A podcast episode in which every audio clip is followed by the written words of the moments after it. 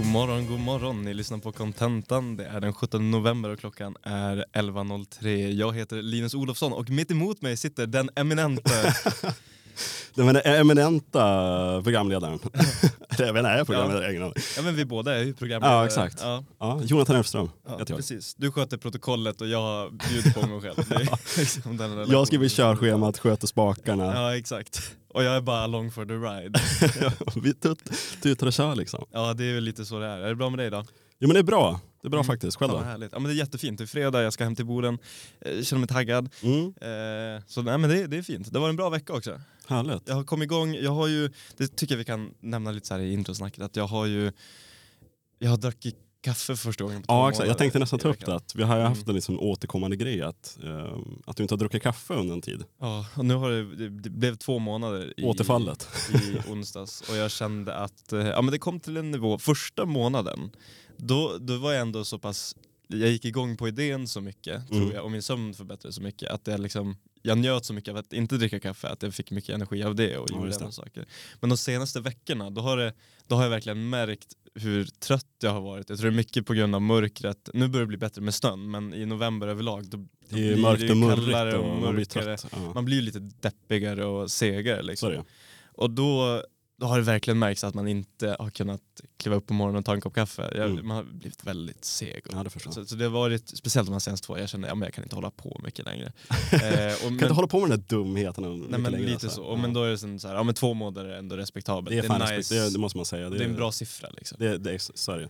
Ja, det är inte så. två veckor, alltså det Nej, är liksom två månader. Det är ändå ja. bra kämpat får man säga. Och jag har, jag har liksom en clean slate att uh, börja om utan att liksom överkonsumera kaffe. Nej, exakt. Så min plan nu är att ha en maxgräns på en kopp per dag, ja. men inte nödvändigtvis dricka en kopp per dag. Det är min tanke, så att jag inte blir liksom, känner att jag behöver en kopp kaffe varje dag. Men berätta om första koppen här, hur, hur kändes det? Vad var the setting? Ja, jag har ju alltså, tänkt på det en hel del. Ja. Eh, så det blev Kostas rosteri i stan. För jag tycker att de har bäst kaffe. De har ju otroligt kaffe. Ja, de har fan jätte, jätte, jättebra kaffe. Jag köpte bönor där. Väldigt litet och mysigt ställe. Trevligt folk. Ja, ja, men det är ju ett rosteri. Ja.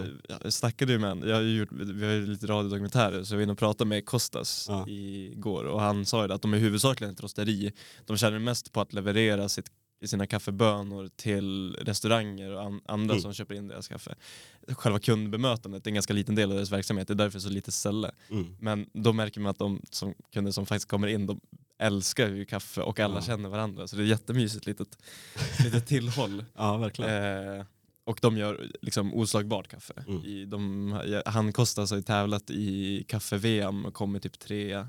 Ja han har ju jättestort konto på Instagram har jag sett också. Han har ju så här mm. hundratusentals följare på Instagram. Ja men alltså globalt är han, han är, ju, han är jättestor ja, i kaffevärlden. Ja. Och i Sverige var han, alltså Kostas var det första eh, specialkafferosteriet, eh, mikrorosteriet i mm. Sverige. Så han var ju först med att göra det man kallar liksom bra kaffe eller specialkaffe ja, eh, i Sverige. Så han är ju han är ju väldigt erkänd.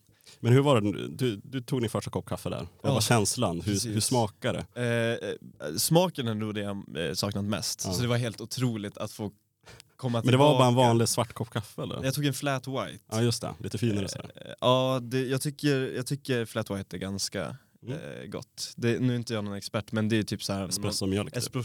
ja precis. Latte är ganska mycket mjölk. Flat white tror jag inte lika mycket Det är lite mindre mjölk ja, men det är ändå mer än i en macchiato eller något. Jag är ingen... Nej, just i liksom eh, espresso-världen ja. kan jag inte Nej. Där kan jag inte yttra mig för mycket liksom. men jag tycker att det är gott. Den snåriga eh, liksom, Och den var, det var en väldigt bra kopp. Den var len, jag hade trevligt sällskap. Eh, vi satt där ändå i kanske 40 minuter någonting mm. och bara, bara njöt. Och sen så fick jag delvis ganska hög puls.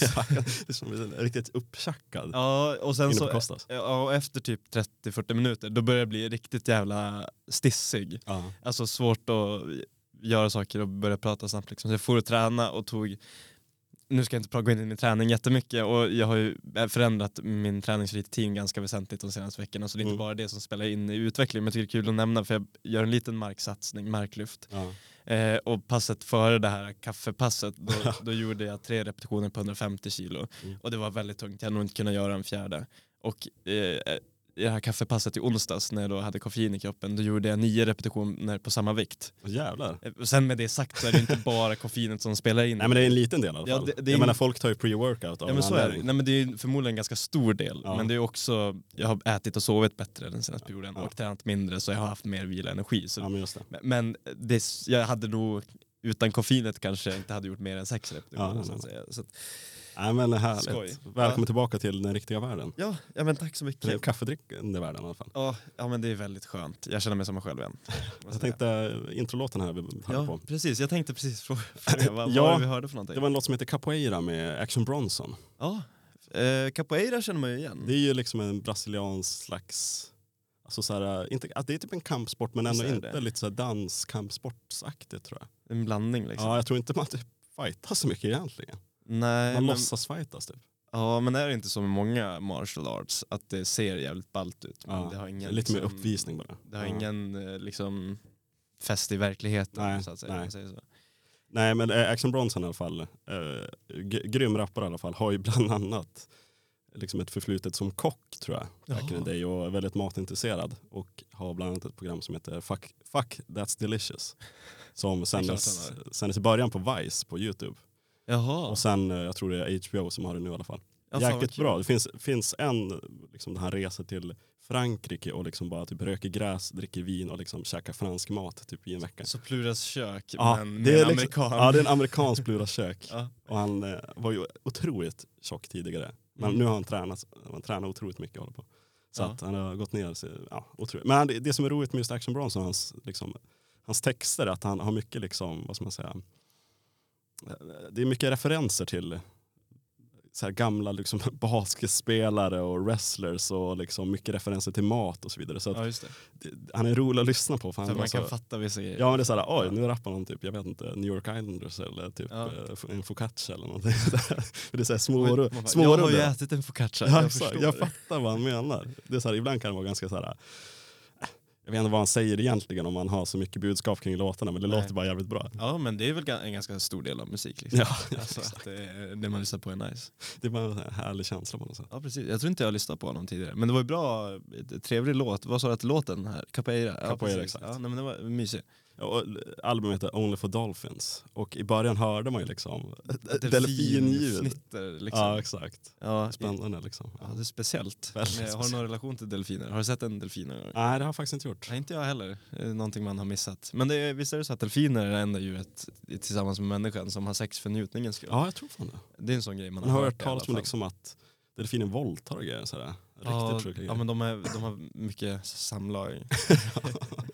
Eh, och sen eh, har de ju, att de är smarta har man ju hört också. Det har man ju hört. Eh, men samtidigt... Överskattat djur känner jag. ja verkligen. Hur smarta kan de vara? Hur smarta kan de vara? Har inte ens händer. Nej exakt, vad fan håller de på med? Ja. Jag tänkte, du pratade, du pratade ju här tidigare att det är mörkt och kallt och så vidare. Mm. Ja men det är det Jag tänkte, vare sig man vill eller inte så är vi faktiskt snart in på julen. Mm. Det är ju den 17 november. Det är inte så långt kvar till liksom advent och julförberedelser. Och... Men, och vare sig man vill eller inte, det Exakt. är ett faktum som det är ett faktum. ständigt det, återkommande. Det trycks ju upp i ens ansikte på något sätt. Ja, är du en uh, julfirare? Alltså semi, det är väl trevligt. Mm. Men uh, alltså, jag har inte super liksom, starka känslor till julen om jag får helt ärlig. Nej. Alltså, det är vad det är. Det är vad det är. Men det är ju ändå en, en trygghet, ja, det, ty tycker jag. Man vet att det kommer. Liksom, att det, men exakt det är en ständigt återkommande del av sitt liv på något sätt. Ja, all, sådana grejer tycker man ju om. Ja, exakt. Man kan liksom alltid eh, anpassa sig och veta, ja men nu är det nu behöver jag inte fundera, nu kommer det vara så här ett tag. Nu kommer alla vara glada och mysiga. Ja, vad, vad tycker du om julen? Eh, ja, men jag tycker att det är trevligt. Jag är heller ingen, liksom, eh, vissa älskar att pynta ja, extravagant och eh, lyssnar på musik redan, mm. julmusik specifikt. Ja det var några veckor sedan vi hade måndagsfika på radion. Ja. Då var det någon jävel som ville sätta på julmusik och gjorde det. Ja. Såhär, vi är liksom i början på november. Ja. Nej, men kan så, inte börja med det nu. Det har jag, det, just det har jag inte förstått. Nej, eh, kanske min starkaste association nu de senaste åren med, med julmusik det har varit att i Nolia gymmet där jag tränade ganska mycket, då spelade man eh, Lars Vegas julskiva på repeat okay. från första advent tills man tills alla åkte hem liksom. Ah, ja, ja. Alltså, den gick bara runt. Hur galen blev man av det? Nej, men jag tycker den är ganska bra. ja. Faktiskt. Men det är många som irriterar sig på det. Ja, det, det en av låtarna är det finns ju någon klassisk eh, skiva, svensk skiva som är en samling av fågelljud. Mm. Eh, och då hade man gjort som en parodi på det, en samling av svenska skoterljud. så fyra klassiska svenska skotrar. Ah, så det är mycket så dåliga skämt. Liksom. De är från Östersund, Lars Vegas. Okay. Eh, men det är koll faktiskt. Ja. Skojigt band. Skojigt band alla Ja, men de, de har några låtar på den skivan som faktiskt ändå ja, kan vara värda att lyssna ja. på. Ja. Det är liksom julklassiker men så har de sina egna texter. Och om julen här, nu här i veckan så släppte de ju vem som ska vara julvärd. Det är ju en mm. stor grej. Det är lite som vilka ska få sommarprata? Mm, så vem ska vara julvärd? Det är en stor grej. Det känns som att det är mycket känslor kopplat till det för många, All... i alla fall äldre människor. Ja exakt. Eh. Alla har ju någon åsikt i alla fall. Ja, ja men precis. Det känns som att alla älskade Arne Weise. Ja, exakt. Eh, och sen har det varit lite till och från. Ja exakt. Det är såhär, han är bra, hon är bra. Ja. sådär. Men jag, jag vet inte om jag har, för om man funderar på de som har varit mm. efter Arne Weise så det är inte så många jag kan liksom pinpointa och säga ja men här var bra. Den personen det året var ju riktigt, riktigt bra. Det, det, det Nej, jag, jag kommer liksom ihåg inte. när det var Erik Haag och Lotta Lundgren som hade det för, jag eh. läser nu på listan att det var, de hade 2017. De hade ett väldigt konstigt koncept och de inte, det var mycket liksom historia, vad heter det? Mm histori mathistoria. Men det var det, det historieätarna liksom. Här grejen, för att det är det de har Exakt. Jag minns inte jättemycket av det, jag var ganska ung då, men jag minns att det var förinspelat, att ja, många exakt. blev förbannade på det. Ja men det var inte så bra heller. Nej. Jag gillar dem båda två, mm. de är grymma. Men, ja, de är otroliga, men jag ser dem inte som julvärdar. Och jag tycker det är konstigt att ha två julvärdar. Ja. Det ska vara en. Det, ja, eller hur? Rucka inte på systemet. men i alla fall i år eh, är det ju David Batra, vad, vad, vad känner vi om det? Eh, jag, alltså jag, tyck, jag ser inte han som en julvärd. Nej. Jag ser han som en underhållare. Mm. Han, för, alltså om, när, när jag funderar på vad liksom kvalificerar någon för att vara en julvärd, då måste man vara folkkär, bred och all, inte allmängiltig är väl kanske mysig. fel ord. Men, ja, men, ja, men delvis mysig och att, att liksom gå hem i stugorna. Ja, exakt. Och för mig är David Batra inte riktigt, han kanske har blivit folkkär med åren. Han, det är väl få som irriterar sig på David Batra. Ja, så Men, men han, han har inte den här mysfaktorn. Nej exakt. Han har inte... Det, det är svårt, alltså det, man är varken bu eller bö. Han är, är, såhär, han är helt okej. Okay. Han är en okej okay programledare men ja. han, han känns inte så julig och mysig. Alltså, ja, nej jag vet mm. inte. Det, det, är ingen jag hade velat sitta med. Om, om, om, för jag antar att julvärdar är väl ja, men så att man, ingen ska behöva vara ensam. Nej, Om jag hade varit ensam hade jag nog inte velat vara med David Batra utan att vara, liksom, på något sätt vara taskig mot David Batra. Jag tycker att han är jättebra men, men jag vet inte om det nej, är exakt. ett nej, julvärldsnamn. Nej för det är mycket sådär, okej okay, vem faktiskt vill man fira jul med? Ja. Och när man går tillbaka på listan, eh, förra året var det ju Babben Larsson, jättebra absolut. Namn. Jätte, jättebra namn. Tarek Taylor, absolut. Mm. Lars Lerin, absolut. Mm. Marianne Mörk, absolut. Det är så här, ja, vilka vill man fira jul med? Det, det är ju bra namn. Jag, om man jämför de namnen med David Batra, ja. då kanske han faller ju ner på listan ja, långt där nere. Tyvärr gör han ju det. Men det är spännande det där. Men jag, jag kan inte säga att jag har jättestarka heller. Nej, alltså, det, alltså, det är inte så att man sitter och kollar heller jättemycket på Nej, alltså. Man slår ju på Kalle och sen så jag menar det är inte så mycket att man sitter och kollar. Nej. Jag tror det jag kollar på på julafton det är liksom Kalle och det är mm. man inte heller jättenoga med. Nej, nej exakt. Eh, och sen eh, Karl-Bertils jul ja, på kvällen. Det är ju det viktiga liksom. Mm. Eh. Såg du att de skulle sätta in ett eh, nytt program? Alltså Lindgrens ja. jul som gick 9 och 14. Var det så? Det kanske var så. Men jag tycker det, kanske, det låter som en bra idé. Det låter spännande. Ja. Det, var, det var kul att de redan hade fått massa mail om att bara, det här är ett sätt för er att eh, liksom långsamt fasa ut Kalle ah, från julen. Okay. Och då har de inte det har ingen påverkan överhuvudtaget på Kalankas Nej, men jag, jag, är lite för, jag satt och tänkte på det idag faktiskt, på hur länge kommer Kalankas liksom vänner eller vad fan det heter, hur, kommer, hur länge kommer det överleva? Men alltså, jag, tror, jag inte, tror inte dagens kids är så pass brydda om det. Nej, men jag kan inte heller se att man skulle, liksom en anledning att ta bort det. Nej. Heller.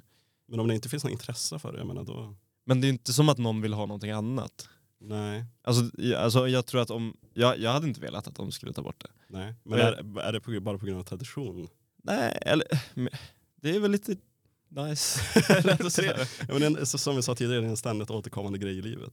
Ja. Det är väl det, det är tradition. Men det är, det, det är väl det att man, alltså tv-tablån har ju sett likadan ut så länge, ja, så, så fort de gör en liten ändring då ja. reagerar jättemånga på ja. det. Och det kanske är bra att det är, för jul, grejen med julen som vi sa är ju att det är återkommande, att man vet Mm. Vad som komma skall. Mm. Det är väl det fina. Mm. Och då är det väl en väldigt trygghet för många att det är samma tv-tablå också. Mm. Så jag, jag, jag, tror, jag tycker att det kan vara en fördel att det är en Det tv-tablå. var lite roligt, jag firade jul eh, hos min eh, bror ehm, ja, förra, förra året. I Hedemora. Ja exakt, och han har ju två barn som sagt. Ja. S- Sonen som är, ja, var väl tre. Ja. Så det var, ja men snart börjar Kalle, det är, så här, det är om 20 minuter. Ja. Så men kan vi inte bara starta det nu liksom? Så här. Jag tror inte han förstod konceptet med Jaha. linjär tv. Nej, just, nej, om man är tre år nu så kanske det inte är så Exakt, det är bara relevant. starta det. liksom. Jag bara- Man står ju alltid bara på. Det är bara start, varför startar vi inte det nu liksom? så det var lite småkul. Men jag tänkte, jag har tagit med två listor här. Ja. Eller två snabba listor egentligen med, Mm. Eh, med potentiella julvärdar. Mm, och det är ju så, vi diskuterade det här igår, Ja, så jag har kommit med tre. tre. Ska vi börja med din? det- För jag har lite annan, annan take på de här. Okej, ja, men jag har bara tänkt folk som jag, alltså jag funderar på det här folkkära, Mm. breda, Ja. mysiga. Eh, var, väl, var väl det jag tänkte på och så har jag tagit tre namn därefter. Mm. Så vi kan börja med det som liksom En vad baseline liksom. Ja exakt, vanilla, Vanilla julvärde ja, och sen så kan vi köra dina, Mina alternativa. dina hot take. Exakt. Ja, eh, ja, men jag, jag är ganska nöjd med min lista faktiskt. Mm. Jag, den, första namnet jag skrev som jag är mest nöjd med måste jag säga, det är Mark Levengood.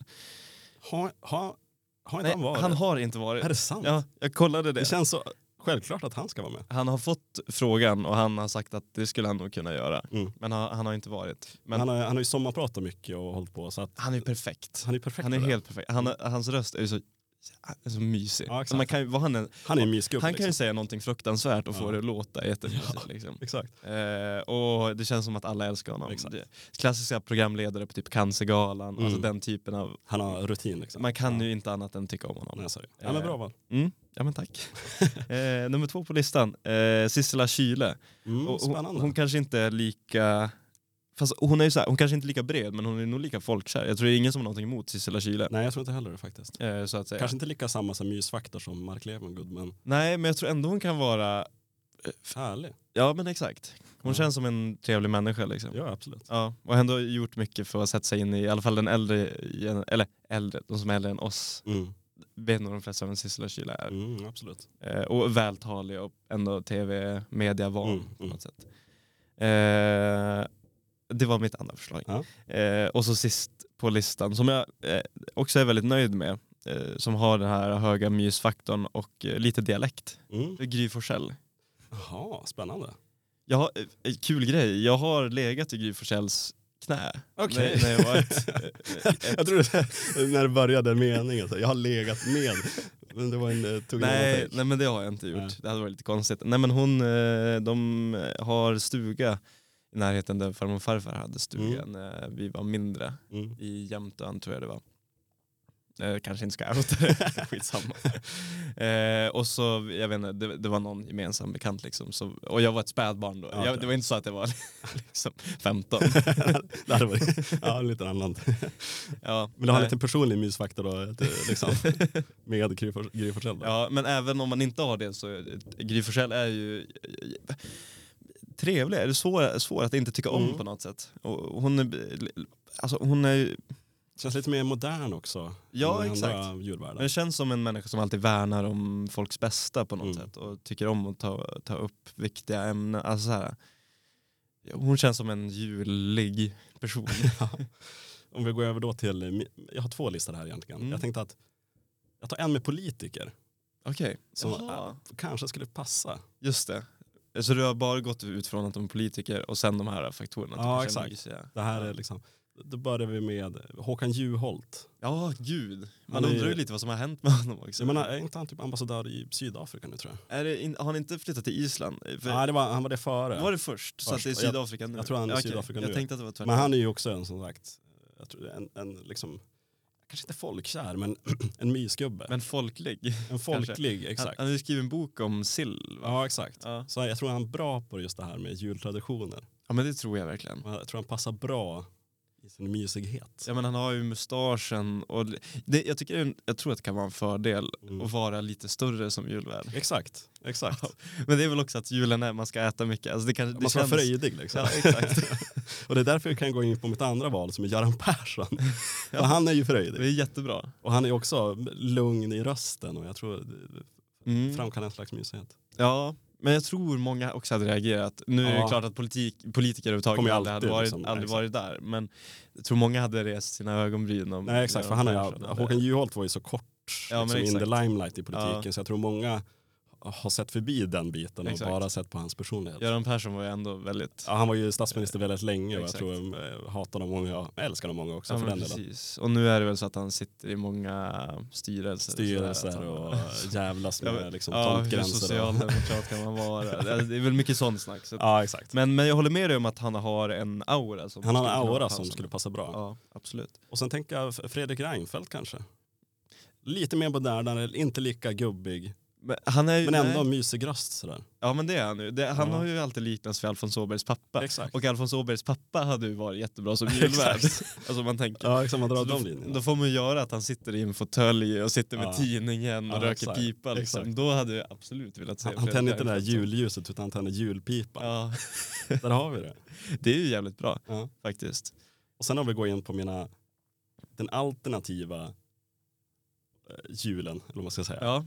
Och då tänkte jag ta, det här får bli en trio. Jag tror de behöver liksom varandra för att göra det här. Men är det, och vad, är, hur, vad har du utgått ifrån här liksom? Det är liksom sköna figurer, lite alkade. Mm, just det. Så lite, det... lite mer alternativ. Om vi säger så här, fira jul på puben. Ja, just känsla det. över Men det kan ju också vara en, en stor idé med att göra det. För att de som då kanske behöver någon att vara med Exakt. på julen kanske inte har så många, ett, ett hem att fara till. På Exakt. Jul. Det kanske de behöver den typen av, av människor att, att dela sin jul med. Och då tänkte jag den här trion med Torsten Flink, Kenta Gustafsson och Micke Persbrandt. Det är en jävla trio ändå.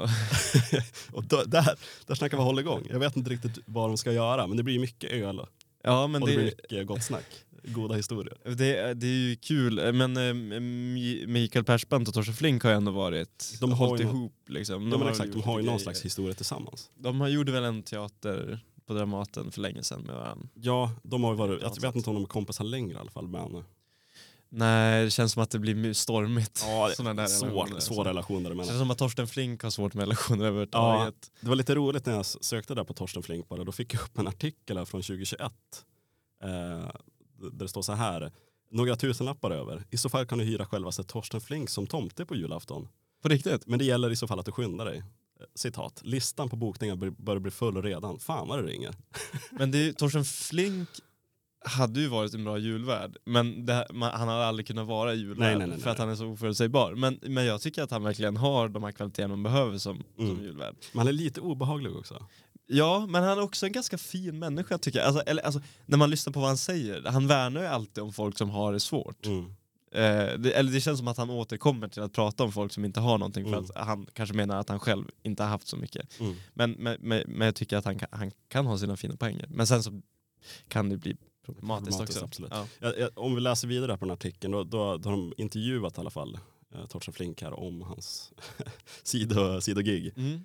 Eh, då, då frågar de bland annat, hur många uppdrag eh, ska du ta? Som, då säger han, jag, jag kör först mellan klockan 10 och 14, sen är det uppehåll för kalanka. Sen fortsätter jag mellan 16 och 23. Det kostar 3 000 före 14, sen har 3 800 kronor efter det. Kommer du palla det här tempot? Ja, jag är bra i kondition. Du tror inte att, du tror inte att några barn kommer bli rädda? Nej, det tror jag inte. Jag är en väldigt snäll person. Barnen tycker om mig. Ja, det märker sådant. Ja.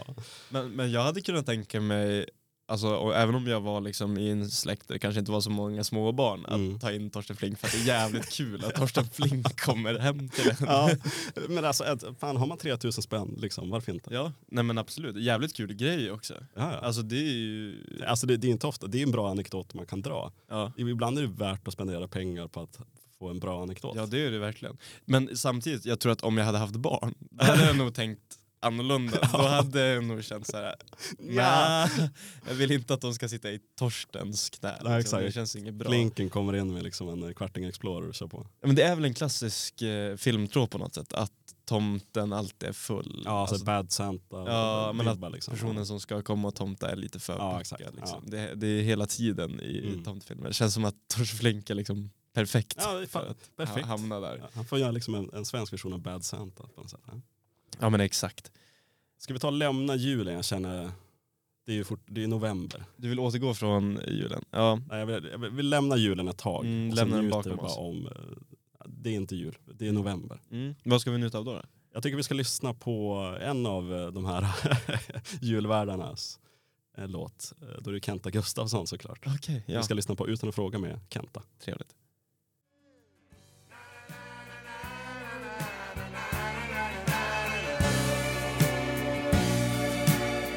Utan att fråga mig Kenta. Jävla bra låt. Vi sa det innan att det, känns, det här känns ju som en låt som vi har spelat. Ja, ja, men vi har ju inte gjort det i radio. Det är sjukt, sjukt nog så har vi inte gjort ja, det. det men Kenta är en artist vi delar stort intresse för båda. Ja exakt. Jag tror den här låten, liksom Kenta överlag har spelats otroligt mycket liksom på jag och mina polers förfester har vi spelat otroligt mycket Kenta. Mm. Och alltid med? Ja, ja men det, det, det går, liksom, går hett i mina...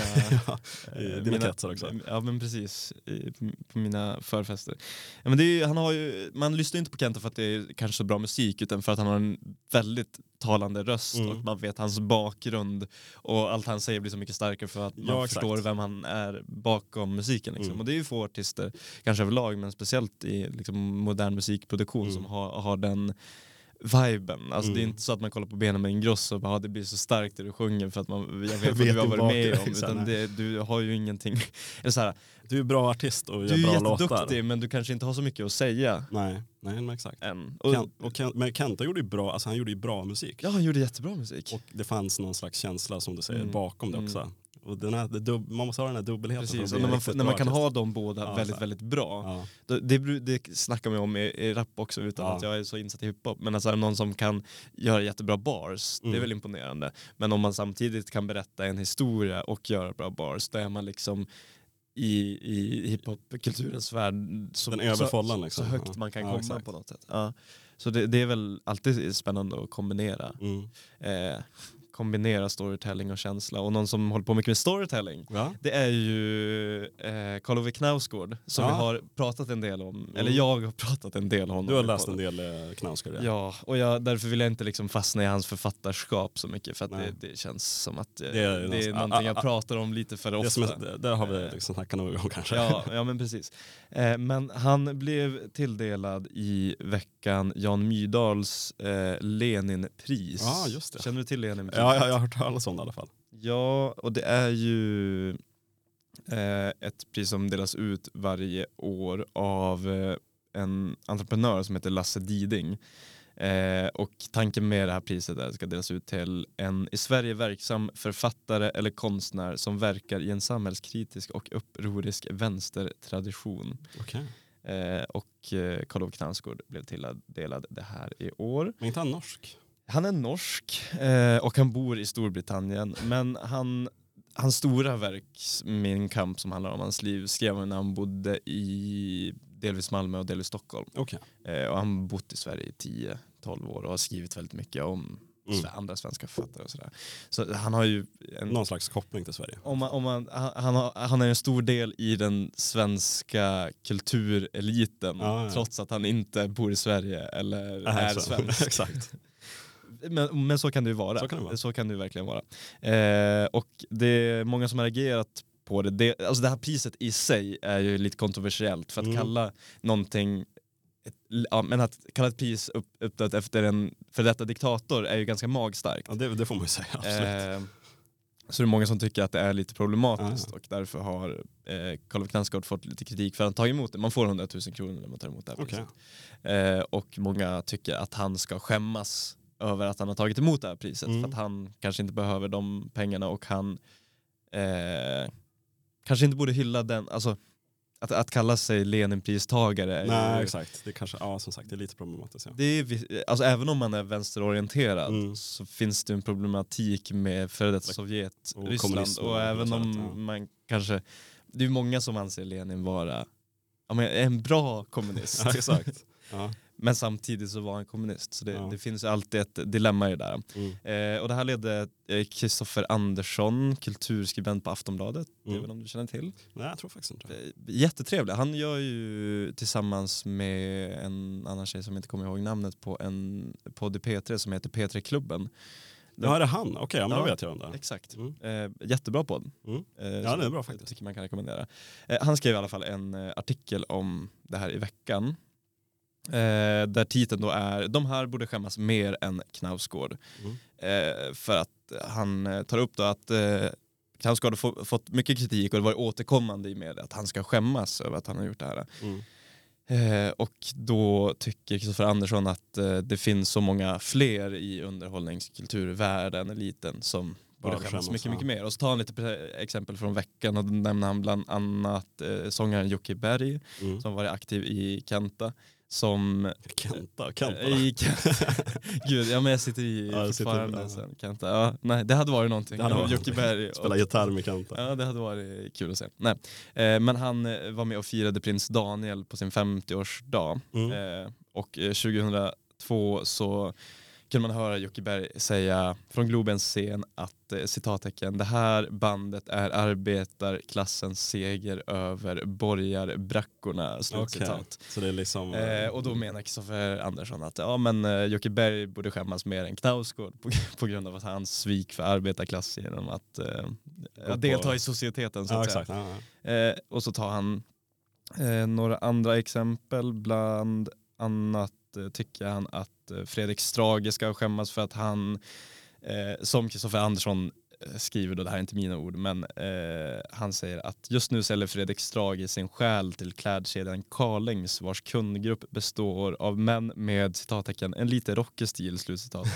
eh, med grosshandlar-look kränger han Denim-företagets eh, bandtishor på Instagram. Okay. Eh, ja, det visste jag inte som att han gjorde. Ja. Nej. Eh, och då tycker Kristoffer Andersson att eh, Fredrik Strage ska skämmas mycket mer än Karl Ove Knausgård. Och det här fick mig att tänka, jag tycker det är en intressant artikel. Jag, mm. jag, jag tycker att eh, ibland kan Kristoffer Anderssons kritik vara lite spretig, mm. men den är alltid underhållande och det ligger oftast någonting i det han säger, men han drar det alltid väldigt extremt. Ja, det är lite humor bakom det får man ja, det anta också. Det är det ju verkligen. För jag tycker kritiken i sig han drog upp här var så här, meh, okay. Ja, nej men det är väl så här, eh, jag, jag, men det är just det här med skam skam jag reagerade på och mm. skam som medial person. För mm. att när, när, när, kan man säga till någon liksom, du borde skämmas för det här? Ja. Och när är det liksom en okej okay grej att säga? Mm. Eh, för att eh, det, man, man vissa anser att man som person, medial person har ett visst ansvar för att du ses mm. av så många människor att du då måste liksom vara en förebild på något sätt. En förebild på något ja. sätt. Och det, det kan, det, men samtidigt som människa så har du en frihet att göra det du vill. Exakt. Och det kan ju vara en svår balansgång och mm. också svårt att avgöra ja, men vad, vad är rätt och fel? Mm. Ska man som medial människa behöva känna skam för vissa saker man gör mm. bara för att man är en medial människa? Mm. Eh, så jag har, jag har tagit upp eh, tre olika exempel som är också lite spretiga men som jag tänker att man kan diskutera kort i alla fall mm. eh, med tre olika personer. Eh, som, på tre olika teman. Eh, vi, jag tycker vi tar återkoppla först, för du nämnde tidigare Mikael Persbrandt mm. och jag, ett av mina exempel är Mikael Persbrandt som 2017 började reka, göra reklamkampanj med Bet365 ja, och nu har jag inte, jag är inte insatt i hur aktiv den jag, den, är, den går fortfarande? Den går fortfarande, ja. ja. precis. Det var det jag funderade på men mm. jag var inte helt ja. säker. Eh, och eh, Ja, det, det, vi vet väl inte hur mycket Mikael Persbrandt har blivit betald för ett sånt samarbete. Men det där var en del. En del. Man kan utgå från att det är väldigt, väldigt mycket ja. pengar. Eh, och det är klart att man som kulturarbetare behöver en inkomst. Mm. Det får man ju respektera. Och jag tycker inte att man kan klandra människor för att tjäna pengar. Sorry. Men det finns ju ett etiskt problem med spel. Mm. Eh, eftersom spelmissbruk är så väldigt stort och många anser att det är oetiskt att det finns. Ja, ja absolut spel överhuvudtaget eller att man får göra reklam för det på mm. ett sätt som aldrig skulle fungera för till exempel alkohol. Nej, nej. Och Mikael Persbrandt är en ganska folkkär figur ändå. Han ja. har ju figurerat så många Beck-filmer, 30, ja, 31 stycken ungefär. Och han har ju redan så mycket pengar ändå så behöver han faktiskt Precis. ta det där giget och det också. där är väl det, diskutera. Kan man säga att Mikael Persbrandt borde skämmas för att han gör den här reklamen? Eller, eller kan man respektera det på ett sätt? Och jag, jag, jag, vet inte var, jag, jag, tycker att det är fel att han gör det här, men mm. det är också magstarkt att säga att du borde skämmas. Det, ja, det, nej, det är en så stark sak att säga. Nej jag tycker inte att man borde skämmas bara för att man tar ett reklamgig sådär. Visst att det kanske känns lite osmakligt eller opassande eller vad fan som helst men man behöver inte skämma. Jag har tänkt mycket på det här liksom med spel mm. och spelreklam och, och, och så vidare. Och, och, jag har frågat mig själv tanken att liksom, hade jag liksom gjort spelreklam. Hade jag kunnat göra det, vill säga att jag hade liksom såhär, Åh, nu kan ni spela här, och, och, liksom, ta min liksom, kod så får ni rabatt eller någonting. Mm. Alltså jag, hade, jag spelar ju själv och jag tycker det är väldigt kul med spel. Mm. Jag förstår hela problematiken kring att det finns folk som blir spelmissbrukare. Jag hatar, jag hatar bettingreklam också. Mm. Jag tycker det bör försvinna, men jag hade nog inte haft något problem att göra det. Nej, det är ju det är svårt. Det är samma sak med alkohol. Jag, jag jag dricker alkohol men jag förstår ju att det är många som är alkoholister. Men jag hade ändå kunnat göra reklam för alkohol. Ja, ja precis. Och det, må, mm. det, det, är som en svår balansgång att gå. Liksom, vad, vad, vad ska man ha? Vem har ansvaret egentligen? Ja. För att någon annan liksom missköter eller har problem. Ja men exakt, och det kommer alltid finnas i samhället på något sätt. Ja, bara för att det inte görs reklam för det kommer fort, fort absolut finnas en problematik kring det. Ja, men exakt. Är det därför fel att göra reklam om det? Ja, på något sätt är det ju lite fel. Det är lite, det är lite fult. Mm. Där är det ju. Men jag tycker inte att man ska skämmas för det. Jag menar, det, det är så pass många som gör spelreklam. Jag menar.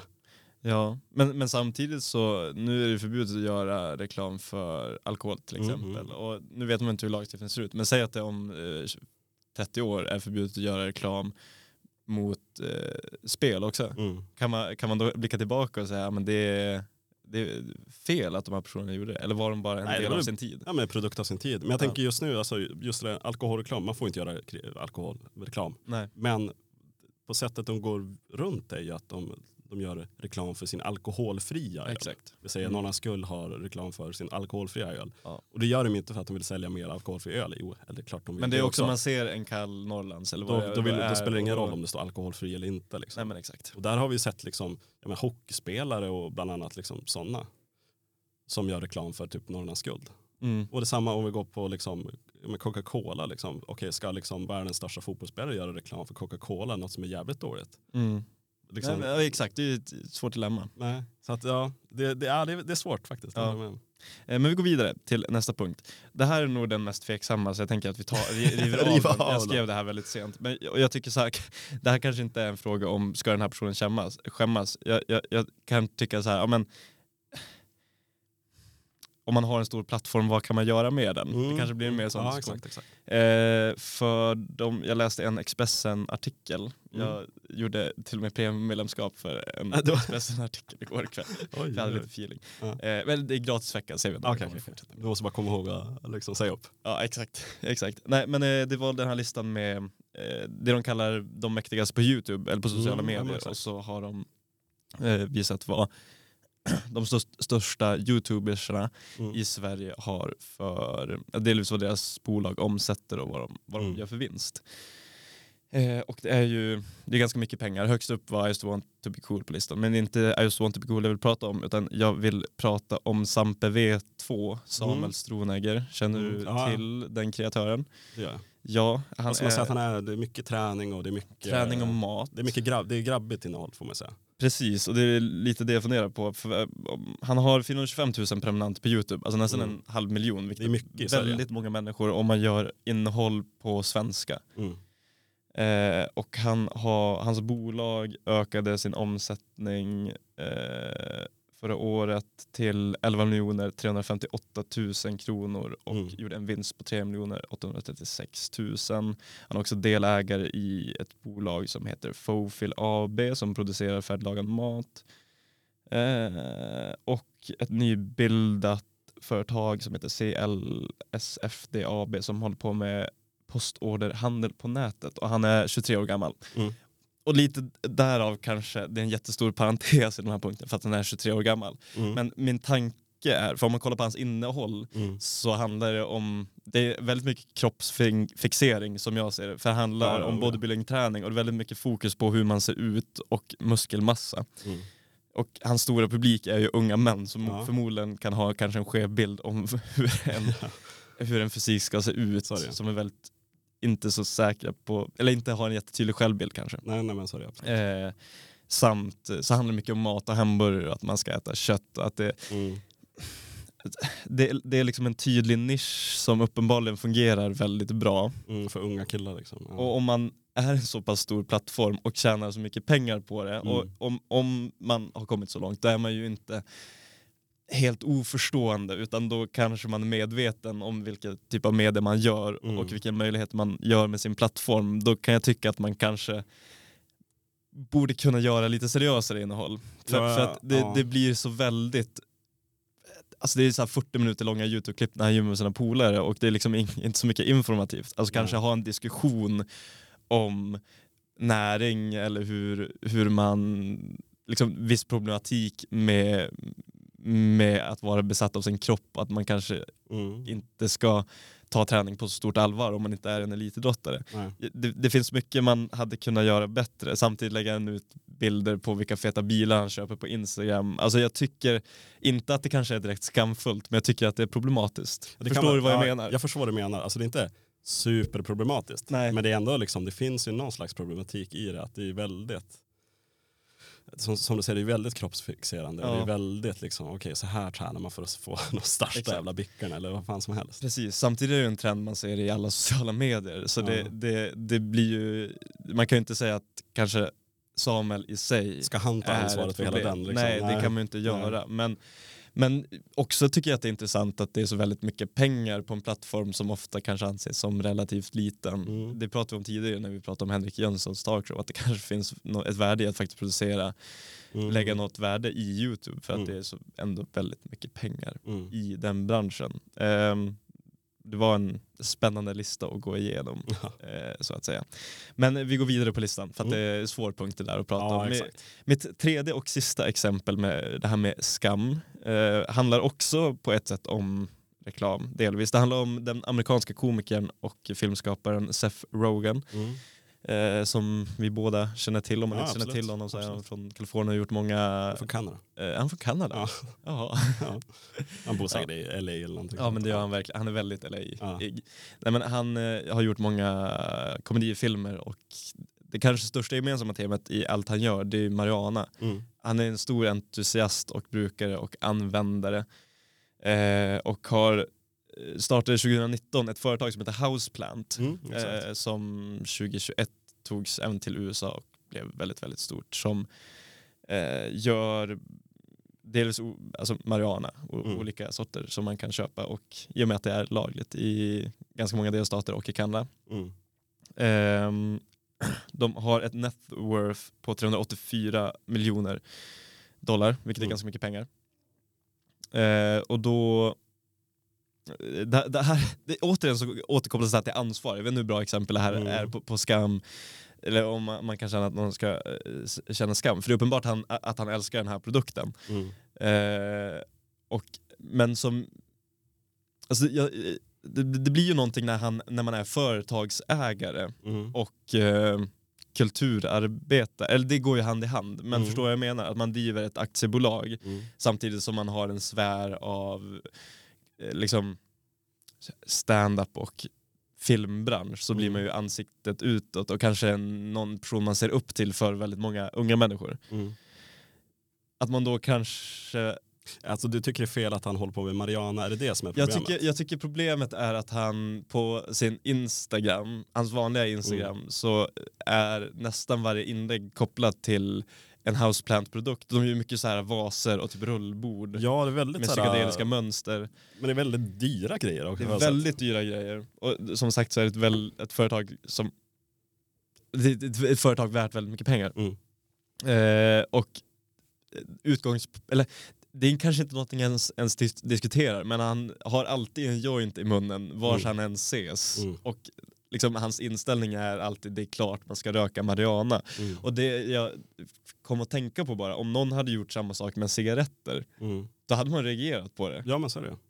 Och om man tar marijuana, man kan tycka vad man vill om marijuana men det är ju också rökning så det är minst lika dåligt som att röka cigaretter. Ja. Plus att det finns massa andra faktorer med marijuana som är narkotikaklassat i Sverige som kanske gör det ännu mer problematiskt. Mm. Är det rimligt att man har ett så stort företag samtidigt som man når ut till så, tusen, hundratusentals unga människor och ja. nonchalerar marijuana. Jag, jag, kan tycka att det finns en viss problematik där. Ja men det sa det. Men det, det, kan man ju gå och tänka tillbaka liksom på hur många kändisar som har någon slags alkoholprodukter. Mm. Jag menar liksom The Rock har väl någon slags tequila och mm. Brian Reynolds har väl någon gin och gör mycket reklam för det på, på sin Instagram. Men de har väl också en stor liksom, en publik med många unga människor. Ja. Där kan man också problematisera hela den biten också. Absolut. Så det är som sagt en svår fråga. Och ja. det kanske inte är skam som är gemensam för, för de här faktorerna. Det blev mer en diskussion om ansvar, ansvar och reklam på något sätt. Jag tycker man ska skämmas mer. Ja, men alltså så här, äh, Skam är en bra drivkraft. Ja, men jag tror att uh, det finns ju folk som säger att man aldrig ska behöva känna skam, utan man ska stå, stå för det man gör. Mm. Jag tror att det kanske finns en plats för att känna, vara man ska, skamfull. man ska vara, Jag tycker man ska ha lite skamfull ja, ibland, det tycker jag. Ha lite skam i kroppen. Man ska tänka på vad andra nej, men det känns lite platt också att man ska tänka på vad andra anser om en. Man ska skämmas lite. Men, men man kanske inte, man ska ju inte leva sitt liv efter vad folk tycker om en. Nej, men man ska inte. vara medveten om att det man gör påverkar andra människor. Mm, så, så kanske man kan uttrycka det. ja. Men en um, artist som kanske inte eh, känner så mycket skam mm. eller är, eh, är mån om att inte bry sig om vad andra tycker mm. har hon i alla fall en bild, en, en eh, medial bild av sig själv. Det är Pink. Ja, absolut. Eh, lyssnar du någonting på Pink? Uh, nej, inte jättemycket, men det var ju hon som fick en brieost kastad på sig som vi snackade om för ett tag sedan. Ja, just det. det är kul. det är lite roligt, jag har också sett massa videos på Pink. På hennes konserter så brukar hon typ så här, kroka, kroka i sig något system du vet, som man kan liksom flyga runt du vet, med vajrar och grejer. Och det finns någon så här jävligt sjuk video när hon kör, kör någon låt medan hon liksom flyger över publiken i sådana här vajrar och grejer. Det låter helt sjukt. Ja, visst. Ja. Till. Coolt, men hon verkar ganska cool Pink. Eh, ja, så jag absolut. tycker vi tar och lyssnar på hennes låt Who Knew.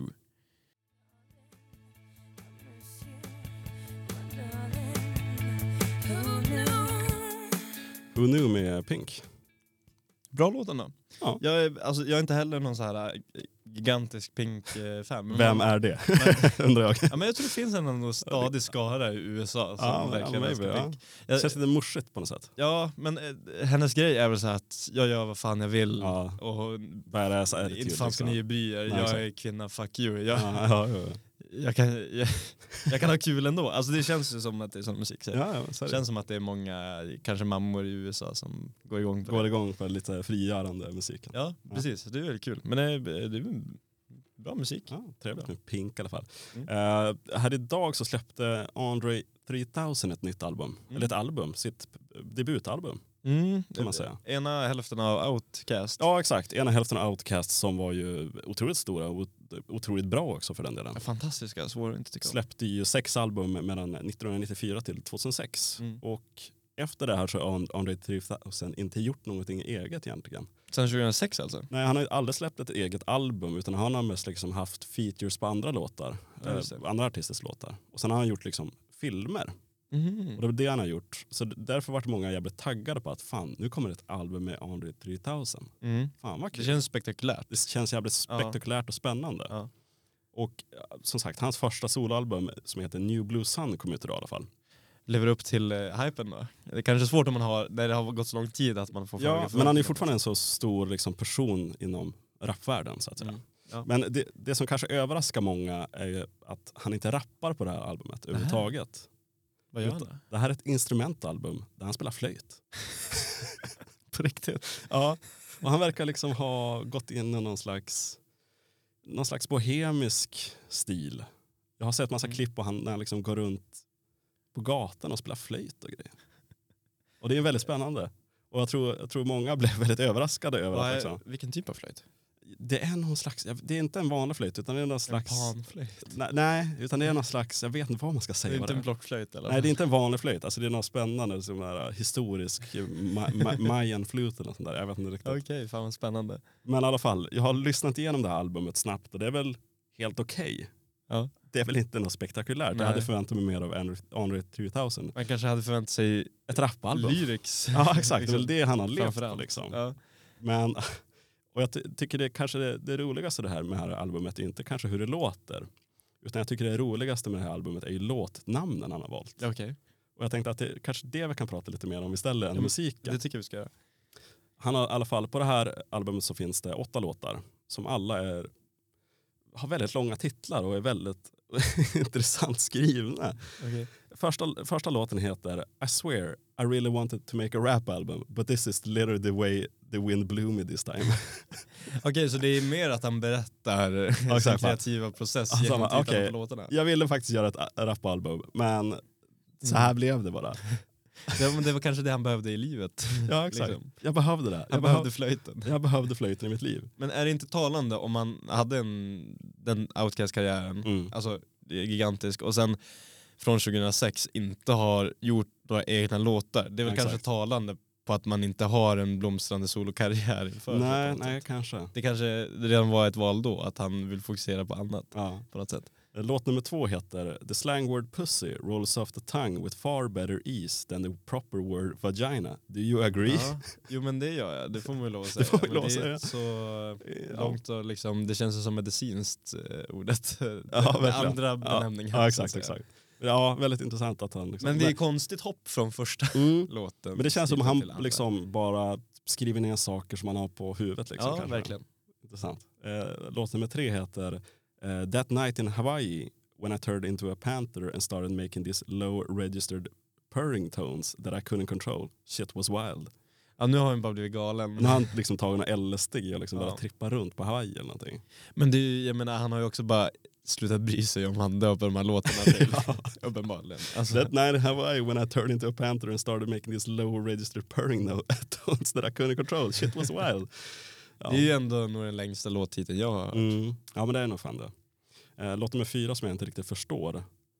Bipolar disorders daughter wears a 3000 button down embroidered. Jag fattar inte ens vad, vad han menar. Alltså att eh, diagnosen bipolär... Ba, för han skriver bipolar disorders daughter wears a 3000 trademark. Alltså märket är button. Ja, jag fattar inte det. Vi kan hoppa en kanske, jag vet inte. Eh, så, men det kanske är internt. Ja, det kanske är internt. Jag vet inte riktigt. Det Låt kanske är uppenbart om man har Android 3000, ja, han men inte om man bor i Umeå. Nej, exakt. Låt nummer fem heter 93 till Infinity and Beyoncé. Men det var ju ändå ganska catchy. Ja, 93 till, till Infinity är ju en, liksom en gammal rapplåt i alla fall. Jag kommer inte ihåg exakt vilka som gjorde den. Men han har lagt till and Beyoncé på slutet. Ja, ja. Spännande. Ja, inte så mycket att säga om den heller om jag får helt ärlig. Men det är ju det, det, det är en helt ny take på låttitlar. ja. Det är ju lite kul. Det är kul. Ja. Gå över till låt nummer sex som heter Gandhi, Dalai Lama, Your Lord and Savior Jesus Christ. Han skriver bara J.C. Slash. Bundy, Jeffrey Dahmer and John Wayne Gacy. Det, har, det känns som att man har tagit liksom så här, Gandhi, Dalai Lama, Your Lord and Savior Jesus Christ hade tagit liksom de bra grejerna ja. och sen har han på andra sidan har han Bundy, Jeffrey Dahmer, John Wayne Gacy på något sätt. Jag vet han, inte. Ja, att det kanske finns någon slags... upp liksom, syndarna och icke-syndarna. Ja exakt, och nu har jag inte liksom, lyssnat jättenoga men det kan ju finnas någonting i låten att liksom, mitt i så blir det liksom gått från god till ond. Mm. Så, jag vet inte, det, kanske. Det finns väl kanske ett underliggande tema, mm. eller en tanke i alla fall. För de här låtarna är väldigt långa också, de är ju liksom långa instrumentella, de är 12-13 minuter Hur långt är, ah, okej, okay. så albumet totalt är, måste vara ganska... Ja men en och en halv timme ungefär. Ja, och det var åtta låtar? Ja, så det är, ja, det är långt. Ja. Uh, låt nummer sju heter Ants to you, Gods to who. An, vad sa du? Ants to you? Ants to you, alltså myror. Ants. Ah. To you, Gods to who. Ja men det är väl en så perspektiv, det är ja. lite tankenöt. Så här, alltså, vi ser dem som myror men i, om du är en gråsugga så är ju myran ja. eh, i liksom eh, religiösa, eh, liksom, eller vad, vad, säger man? Gud. Ja. Eh, vad, vad heter det, när någonting sublimt. Mm. Ja. Eh, att myran då kan upplevas som sublim som, om, från perspektivet av en gråsugga. Ja. På något sätt. Så kan det vara. Eh, sista låten heter Dream Once Buried Dreams once buried beneath the dungeon floor slowly sprout into undying gardens. Där hängde jag inte riktigt med. Dreams once bur buried beneath the dungeon floor slowly sprout into undying gardens. Just det. Det är väldigt liksom, specifika känslor Mm. han vill förmedla genom titlarna. Det får man verkligen säga. Så det, kan, det kanske har någonting att göra med musiken, att så här, det, är, det är just den här känslan. Som jag vill förmedla. Ja. Ja. Har, du, har du någon favorit på de här? Eh, jag, Svårt att komma ihåg dem kanske. Ja, det, det rullar inte av tungan precis. Eh, I och för sig slangordet för kvinnans könsorgan gör ju det enligt Andre 3000. exakt. ja, ja det, Eh, den rolls of the tongue. Den var väl lite skoj. sk- Skoj var den, Ja. absolut. Men jag tycker ändå det här är att första, att första, liksom, inte, eller första låten på albumet heter Mm. liksom, I swear I really wanted to Ja. make a rap album. Ja, This is literally the way the wind blew me this time. Ja, det får man verkligen lov att säga. Ja, vi får väl se liksom vad Under 3000s karriär tar vägen. Jag tror Mm. inte att det kommer bli... Alltså, Men det här kanske är ett sätt för honom att, in, alltså att sänka förväntningarna. ja, lite för att sen kunna göra ett okej rapalbum. Ja, maybe. liksom. Alltså, vi får väl se vad hans liksom, vindar tar nästa gång. Ja. Ett, ja, som sagt, det kan ju säkert bli liksom... Det är väl eh, som sagt ett helt okej instrumentalbum. Ett int- intressant album i alla fall. Så att jag Ja. menar, ja, vem vet, han kanske lyckas med det. Vem vet? Men jag tycker ändå det är kul, med, sällan man hör flöjt. Ja, Liksom. verkligen. Eh, och eh, som sagt, eh, helt ny take på låttitlar. Mm. Så det, Han är ju en innovatör får man säga. ja verkligen. Eh, ska vi ta och lyssna på en? Jag tog en som var ganska kort nu. Eh, De flesta är ju liksom eh, 10 till 13 minuter. Mm. Men eh, han har två låtar som är lite kortare i alla fall. Så jag ty- tycker vi ska ta, kanske ta och lyssna på Ants to you, Gods to who med Andre 3000. Ja. Som är bara är 3.49. Så Yes. får vi, se, får vi se hur de här flöjtarna låter. Ja.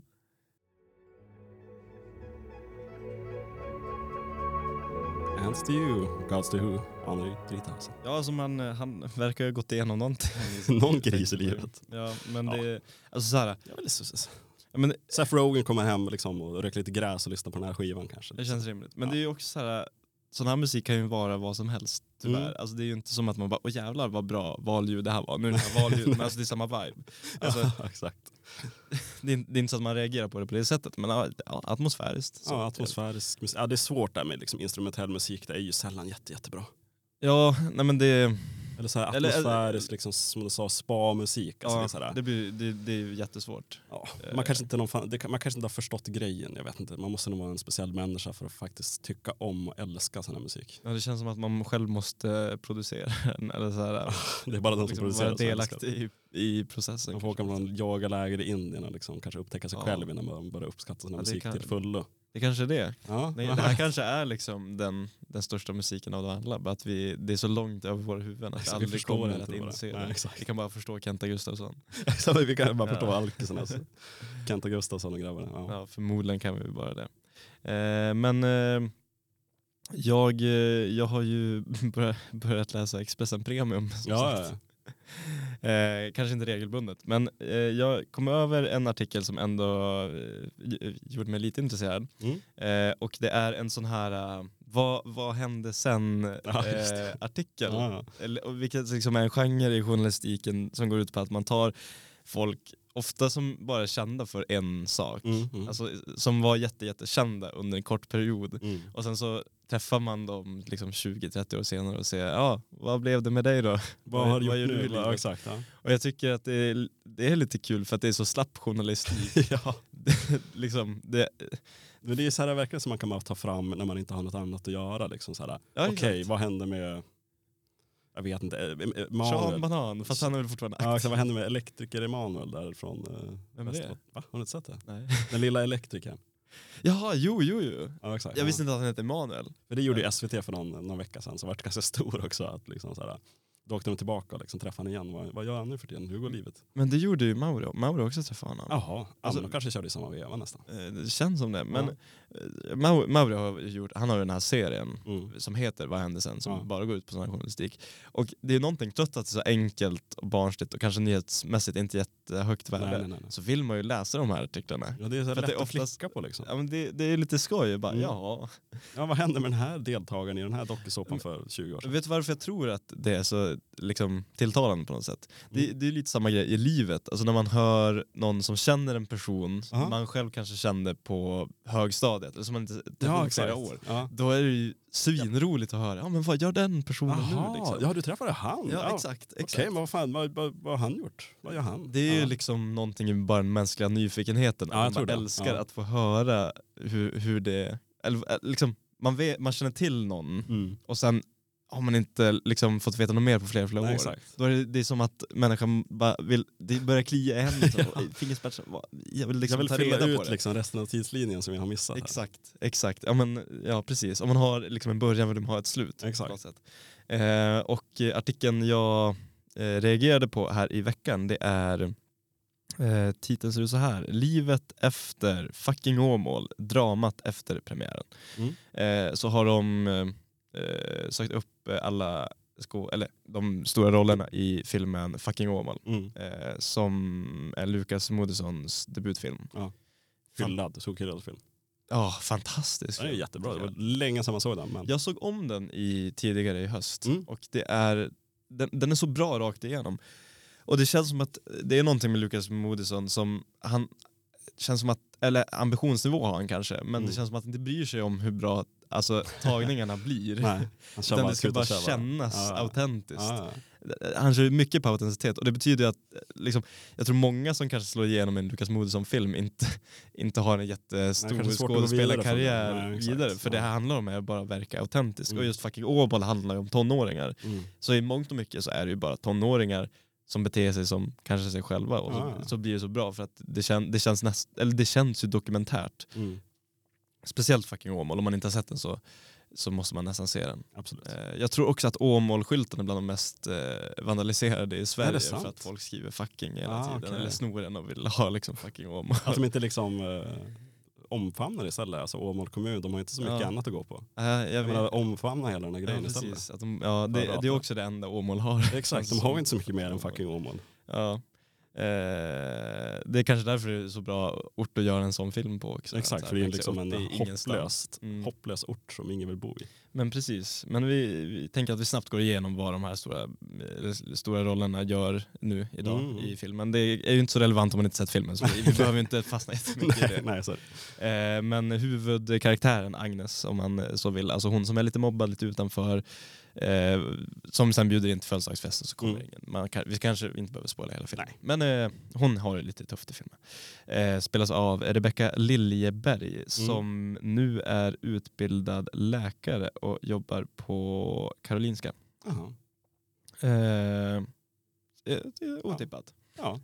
Eh, trodde man inte. Gjorde hon något med filmen efter det? Eller sådär? Eh, nej jag tror inte det. Hon verkar inte vara aktiv i skådespelarsvängen i alla fall. Mm. Eh, jag tror det är väldigt svårt också när man, som, som du sa, att man är tonåring. Alltså det är svårt att... Man kanske Mm. har en roll och sen går man vidare från det. ja men exakt. Hon har eh, efter genombrottet som Agnes var Rebecca Liljeberg med i bland annat Födelsedagen och När regnbågen slutar, båda med Pernilla August. Så hon har gjort några filmer. Mm. Eh, men hon har väl inte Ingen lång karriär. satsat på filmkarriär. Nej men exakt.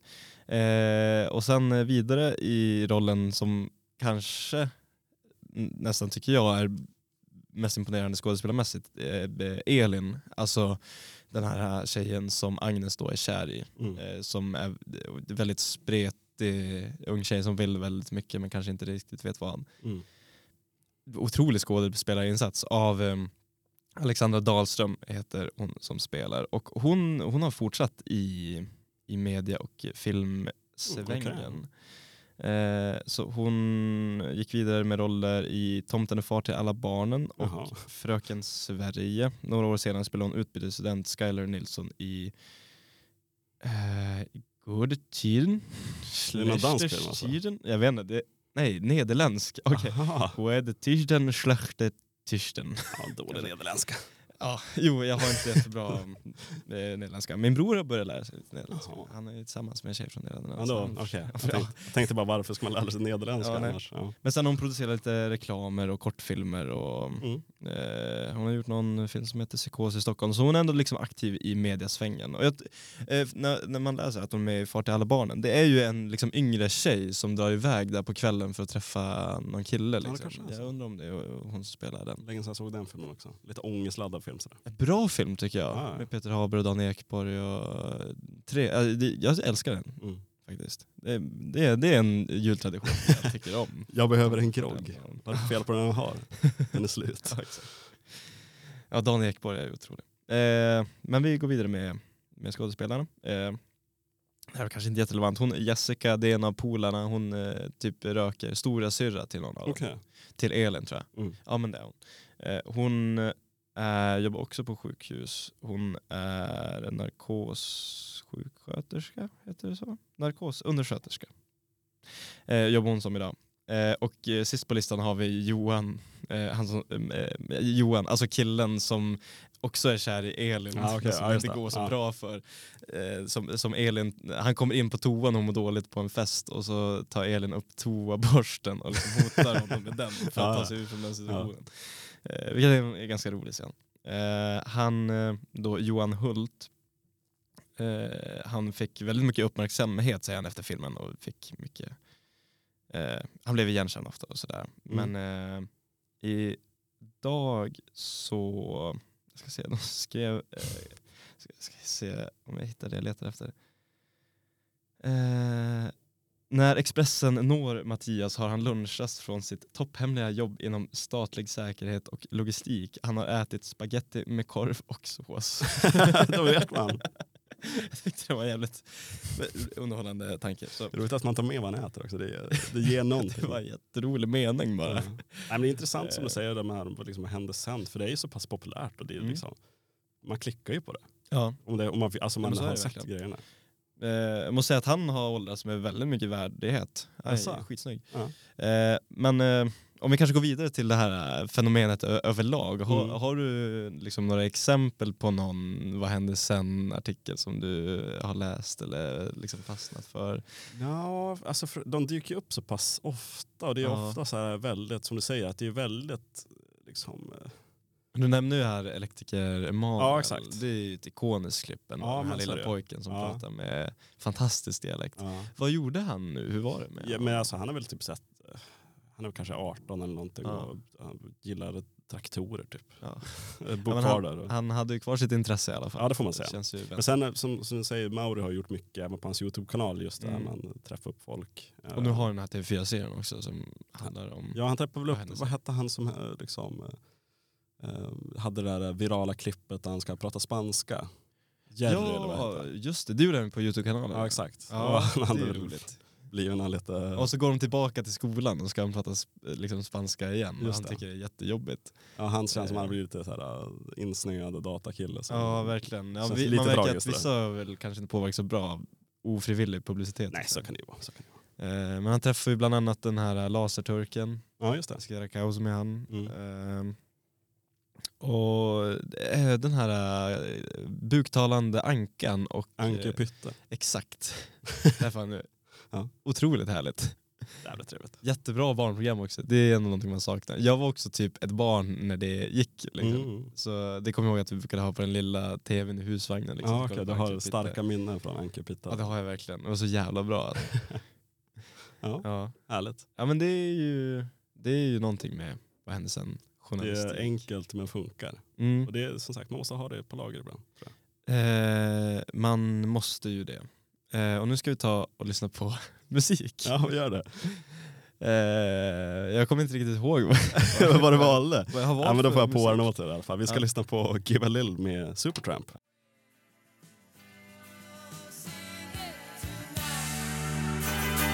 Give a Little med Give a Little Bit med Supertramp. Med Supertramp, ja. Eh, otrolig låt som som jag ändå har lyssnat en del på så det är lite dåligt att jag glömmer bort uh, vad, vad den heter. Men det är ju en väldigt bra låt. Supertramp är ett rätt band. Jag tänker bara varje gång när jag hör Supertramp på den här scenen i Into the Wild. Uh, har du sett den? Mm, jag vet inte faktiskt. Nej, okej. Okay. Men han uh, liksom bara skiter allt. Eller han drar... Han det är väl liksom baserat på en riktig händelse? Exakt, tragisk historia ja, faktiskt om en ung kille som... Man bor ute i någon liksom skåp, nej inte skåp, en van, ja exakt, The Magical Bus kallar han ja, den. Men eh, historien innan är att han bara eh, hitch, alltså han eh, liftar genom mm. hela USA och träffar massa folk och så är det fint. Men, Svälter väl ihjäl typ? Ja, eller han äter en potatisväxt, blom, en giftig okay. Eh, så han, eh, som gör att han inte kan äta mat. Alltså den är dödligt giftig så Aha. han kan liksom inte smälta mat vilket mm. Innebär att han dör väldigt långsam och plågsam död. Ja, jag tror många liksom ideali idealiserar hela den här grejen med att liksom skita i allt och liksom flytta ut på något sätt. Ja, men i alla fall så tar han då, när han klipper sitt ID-kort och ska han ta ett nytt eh, namn och då skriver han eh, Supertramp på någon så här allmän toa på spegeln. Okej. Med, det är inte läppstift som det brukar vara, man har inte läppstift. Det är ju någonting annat. Tandkräm Ah, skriver han med. Skriver han Supertramp och bara jag ska heta Supertramp. Ska han heta, han är döpte sig till Supertramp. Ja, men det var ju för att tydligen så kallar eh, liksom eh, tramps är ett namn för eh, typ liftare, folk som Ja, lever efter det. Ja, vägen. sant. eh, och så möter han några som har en buss och då är de rubber tramps. Mm. Och han var en leather tramp för att han gick, alltså tog sig till fots liksom. Mhm. Eh, och då blev hans namn Supertramp. Okej, det är det bästa av alla tramps. Ja. Intressant det, tramp är väl liksom ett nedsättande ord, att man är liksom en hora eller någonting nästan. Ja, det kanske det är. Också. Ja. Men ja, kanske att man lever på gatan. Ja, lite mer ja, Ja, fria livet. sagt. ja exakt. Ja, nej, men, eh, jag ska nog kanske se den här filmen. Det känns ju som en Ja, det är en hyllad rulle i alla fall. Alltså, jag, jag brukar säga att det är min favoritfilm, men det Mm. är svårt att säga att man har en favoritfilm. Ja, ja, men så. den är ju där uppe. Mm, I uppe, uppe, uppe i toppen i alla fall. Ja, det får man verkligen lov att säga. Du, det är ju fredag. Det är ju det. Har du några planer eller? Jag funderar lite på att gå på den här uh, Elliot och grabbarna ja, ska ju ha lite imorgon. Ja exakt, Mm. konsertaktigt där på fabriken. Så att fundera på om man ska gå på det kanske. Ja, det, det verkar ju skoj. Ja, Vad är, det, vilka, vad är det heter det här evenemanget? Man kanske ska, ska man gå in och kika på eh, Elliot Colléns Instagram? ja exakt, då får man kan vi göra lite reklam L- det. lite reklam för det där. Ja vad fan heter det? Eh, ja, men jobbigt att liksom live-googla, men jag kan, jag kan prata om mina helgplaner så länge. ja men det kan göra. Jag ska hem till Boden. I, igen ska jag Wow. hem till Boden. Mm, så det, ja, övningsköra lite. Ha det gött. Kul. Se På spåret går ikväll. Just det, Har du följt med den här säsongen? det har jag gjort. Ja. Det är eh, lika svårt som vanligt. Jag tycker det var kul Ja, där förra veckan med, eh, med, med Jennifer Kusukarslan och Johan Kusukarslan. Ja. ja alltså syskonen där. exakt, hur eh, när de väl drar, eller Johan drar när han Ja. tror att det är liksom Santiago eller vad Mm, heter. Och hur arg eh, Ja, man ser bara Jennifer blicken. Jag, jag hörde även på Fördomspodden där Jennifer var gäst. här veckan. Mm, ja, shit, Jäkligt- jag, har inte, jag har helt glömt bort det. Jag måste börja lyssna på Jäkligt den. bra avsnitt faktiskt. Ja, det ska Hon jag är, lyssna på. ja. Hon är ju jävligt trevlig alltså. Charmig. ja, men hon är ju väldigt speciell på många sätt och vis. Hon, Ta och eh, lyssna på det. Ja men det ska jag verkligen göra. Ja, Eh, jag har googlat fram i alla fall vad det heter. Ja. Pinsamt alltså. Eh, bakom tusen dörrar. ja, bakom tusen dörrar. På Mm. fabriken. Eh, exakt. Mm. Det blir spännande. I, imorgon. November den 18.